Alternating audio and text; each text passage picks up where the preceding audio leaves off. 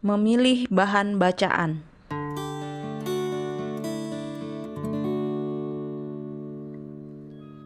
Pendidikan hanya merupakan suatu persiapan kuasa jasmani, intelek, dan rohani untuk penuaian segala kewajiban dalam kehidupan dengan sebaik-baiknya. Daya tahan dan kekuatan serta kegiatan otak berkurang atau bertambah dengan cara pemakaiannya Pikiran harus didisiplin sedemikian rupa agar segala kekuatannya akan dikembangkan secara simetris. Banyak orang muda gemar sekali akan buku-buku. Mereka ingin membaca segala sesuatu yang dapat mereka peroleh. Biarlah mereka berhati-hati terhadap apa yang mereka baca dan dengar. Saya telah mendapat petunjuk bahwa mereka terancam bahaya yang paling besar dalam hal mengalami kebejatan oleh bacaan yang tidak pantas mereka tidak boleh lengah sesaat pun. Mereka harus mengawasi pikiran mereka agar mereka jangan sampai terpikat oleh penggodaan musuh. Pengaruh bacaan yang tidak sehat Setan mengetahui bahwa pikiran sangat dipengaruhi oleh makanan yang dimakannya ia sedang berusaha menuntun baik orang muda maupun orang dewasa untuk membaca buku-buku cerita serta buku-buku lainnya. Para pembaca buku-buku seperti itu menjadi tidak layak untuk menunaikan kewajiban yang mereka hadapi. Mereka hidup dalam khayalan dan tidak mempunyai kerinduan untuk menyelidiki kitab suci untuk makan mana dari surga. Pikiran yang perlu dikuatkan menjadi lemah dan kehilangan kuasanya untuk mempelajari kebenaran besar yang ada sangkut pautnya dengan tugas dan pekerjaan Kristus. Kebenaran yang dapat memperkuat pikiran, menggugah angan-angan, serta menyalakan suatu keinginan yang kuat dan sungguh-sungguh untuk menang sebagaimana Kristus telah menang. Sekiranya banyak sekali buku yang telah diterbitkan dapat dimusnahkan, suatu bencana yang sedang memberikan suatu pengaruh yang mengerikan terhadap pikiran dan hati akan dapat dicegah. Cerita-cerita percintaan, dongeng-dongeng picisan yang menggemparkan, malah jenis-jenis buku yang disebut novel agama, buku-buku yang dalamnya pengarang menarik suatu pelajaran akhlak dari ceritanya, menjadi suatu kutuk kepada mereka yang membacanya. Perasaan agama mungkin dijalinkan di seluruh buku cerita, tetapi dalam banyak hal, setan mengenakan jubah malaikat sehingga dapat memperdayakan dan memikat lebih berhasil. Seorang pun tiada yang sudah teguh dalam prinsip-prinsip rohani. Seorang pun tiada yang sudah aman dari penggodaan, sehingga mereka sudah aman dalam membaca cerita-cerita seperti ini. Para pembaca cerita roman sedang menuruti suatu keburukan yang merusakkan kerohanian, menyuramkan keindahan halaman-halaman kitab suci. Hal itu membangkitkan suatu perasaan yang tidak sehat, mempengaruhi angan-angan, tidak melayakkan pikiran bagi kegunaan, menjauhkan jiwa dari doa, dan tidak menyanggupkan untuk sesuatu acara rohani.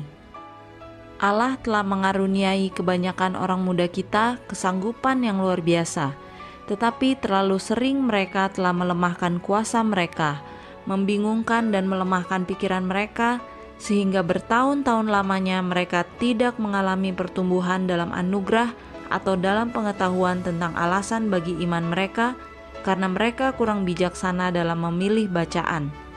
Mereka yang sedang menunggu kedatangan Tuhan yang tidak lama lagi sedang mengharapkan perubahan yang ajaib bila keadaan yang akan binasa ini akan memakai keadaan yang tidak akan binasa Hendaknya pada masa sebelum tertutupnya pintu kasihan ini berdiri pada suatu taraf perbuatan yang lebih tinggi. Sahabat-sahabatku orang muda yang kekasih, ragukanlah pengalamanmu sendiri tentang pengaruh cerita-cerita yang mengobarkan perasaan. Dapatkah kamu sesudah membaca cerita seperti itu, membuka kitab suci dan membaca sabda hidup itu dengan penuh minat? Bukankah kamu merasa buku Allah itu tidak menarik lagi?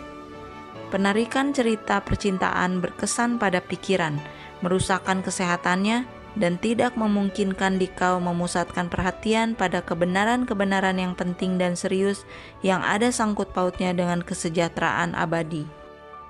Ambillah tekad menjauhkan segala bacaan yang tidak berharga. Hal itu tidak akan menguatkan kerohanianmu, tetapi akan memasukkan ke dalam ingatan perasaan-perasaan yang merusak angan-angan, menyebabkan engkau kurang memikirkan tentang Yesus dan merenungkan pelajaran-pelajarannya yang berharga.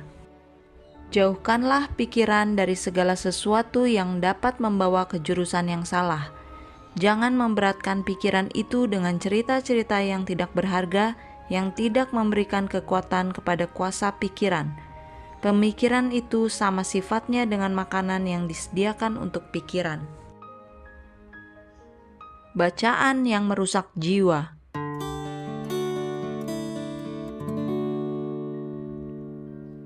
Dengan kian bertambah banyaknya bahan cetakan yang terus-menerus mengalir dari percetakan, orang-orang tua dan muda membentuk kebiasaan membaca dengan cepat dan dangkal, dan pikiran itu kehilangan kuasa pemikiran yang teguh dan teratur. Tambahan pula, sebagian besar majalah dan buku yang sebagaimana halnya dengan katak-katak di Mesir sedang tersebar luas di mana-mana, bukan saja bersifat biasa, tidak bermanfaat, melemahkan, tetapi juga tidak bersih dan menurunkan derajat Pengaruhnya bukan saja meracuni dan merusak pikiran, tetapi juga membejatkan dan merusak jiwa. Dalam pendidikan anak-anak dan orang muda, cerita dongeng, cerita purbakala, dan cerita roman sekarang mendapat tempat yang luas. Buku-buku seperti ini digunakan di sekolah-sekolah dan kedapatan di dalam banyak rumah tangga. Bagaimana dapat orang tua memperkenankan anak-anak mereka menggunakan buku-buku yang penuh dengan kepalsuan? Bila anak-anak menanyakan arti cerita-cerita yang bertentangan dengan ajaran orang tua mereka, jawabnya ialah bahwa cerita-cerita itu tidak benar. Tetapi hal ini tidak dihapuskan keburukan akibat penggunaannya. Buah pikiran yang dikemukakan dalam buku-buku ini menyesatkan anak-anak Hal itu memberikan pandangan yang salah tentang kehidupan dan menyebabkan serta memupuk suatu keinginan untuk perkara yang tidak betul. Sekali-kali jangan memberikan kepada anak-anak atau orang muda buku-buku yang berisi pemutarbalikan kebenaran. Jangan hendaknya anak-anak kita justru dalam proses mendapat pendidikan menerima buah pikiran yang akan ternyata sebagai benih dosa. Sumber bahaya lainnya yang terhadap itu kita harus selamanya waspada ialah bacaan dari para pengarang yang tidak percaya akan Allah. Buku-buku seperti itu diilhami oleh musuh kebenaran dan tidak seorang pun dapat membacanya tanpa membahayakan jiwa. Memang benar bahwa ada orang yang dipengaruhi olehnya mungkin pulih kembali pada akhirnya tetapi semua orang yang mencampuri pengaruhnya yang jahat menempatkan diri sendiri di pihak setan, dan ia menggunakan kesempatan ini sedapat-dapatnya. Ketika mereka mengundang penggodaannya, mereka tidak mempunyai akal budi untuk melihatnya atau mendapat kekuatan untuk melawannya. Dengan kuasa yang sangat menarik dan mempesonakan, sifat kurang percaya dan tidak beriman makin berurat berakar dalam pikiran mereka. Bahaya membaca cerita-cerita yang mengobarkan perasaan.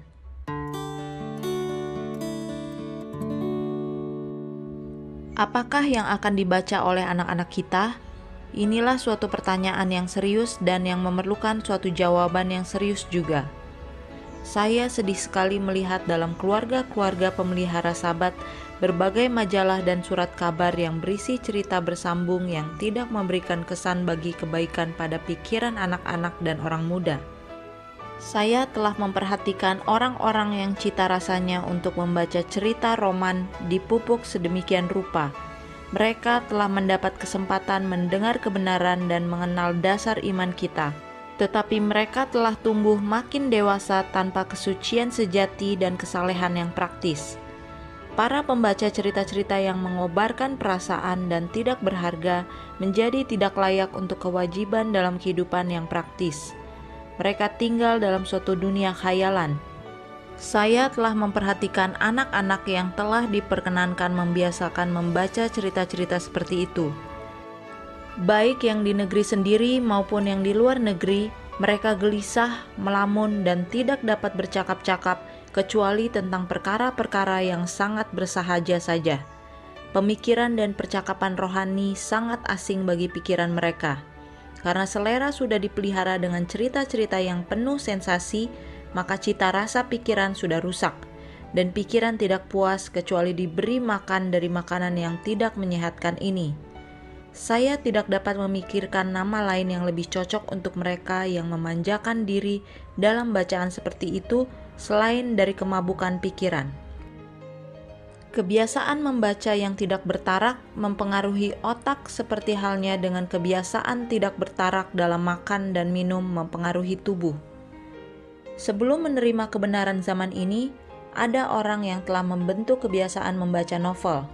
Ketika menggabungkan diri dengan sidang, mereka berusaha mengalahkan kebiasaan ini. Memberikan kepada golongan ini bahan bacaan yang sama dengan apa yang telah mereka tinggalkan, tidak ubahnya dengan menawarkan minuman keras kepada pemabuk. Karena terus-menerus menyerah kepada penggodaan yang mereka hadapi, maka tidak lama kemudian mereka tidak menyukai lagi bacaan yang bermutu. Mereka tidak menaruh minat dalam penyelidikan kitab suci kuasa ahlak mereka menjadi lemah. Dosa tampaknya makin tidak menjijikan. Ternyata sifat kurang setia makin bertambah, dan kian bertambah pula sifat tidak menyukai kewajiban praktis dalam kehidupan. Karena sudah merusak, pikiran itu bersedia menerima sesuatu bacaan yang merangsang. Dengan demikian, terbukalah jalan bagi setan menguasai jiwa itu sepenuhnya. Buku di atas segala buku. Keadaan pengalaman rohani seseorang dinyatakan oleh sifat buku-buku yang dipilihnya untuk dibaca pada waktu senggang. Supaya mendapat pikiran yang sehat dan prinsip-prinsip yang teguh, orang muda harus hidup dalam persekutuan dengan Allah melalui sabdanya. Karena menunjukkan jalan keselamatan melalui Kristus, kitab suci itu menjadi penuntun kita kepada kehidupan yang lebih tinggi dan lebih baik. Buku itu berisi sejarah dunia dan sejarah hidup yang paling menarik dan paling berisi yang pernah ditulis. Mereka yang pikirannya belum dirusakkan oleh membaca fiksi akan merasa bahwa kitab suci itu paling menarik dari semua jenis buku. Kitab suci adalah buku atas segala buku. Kalau engkau menyukai sabda Allah, menyelidikinya bila ada kesempatan, sehingga engkau memiliki kekayaannya yang limpah dan diperlengkapi benar untuk segala perbuatan baik, maka engkau dapat memastikan bahwa Yesus sedang menarik engkau kepadanya.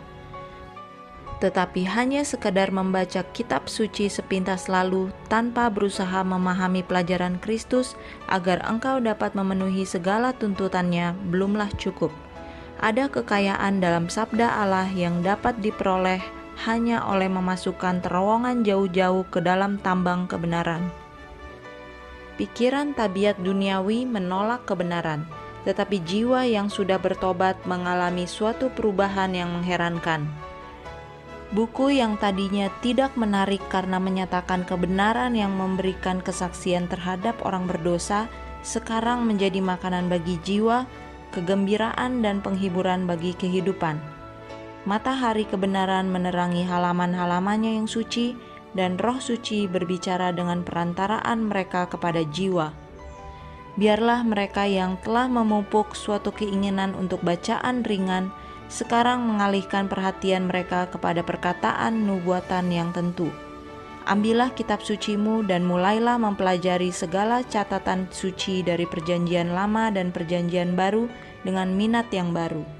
Lebih sering dan lebih tekun engkau menyelidiki kitab suci, lebih indah pula rupa kitab suci itu dan makin berkuranglah keinginanmu membaca bacaan yang ringan. Taruhlah hatimu pada buku berharga ini dan buku ini akan menjadi sahabat dan penuntunmu.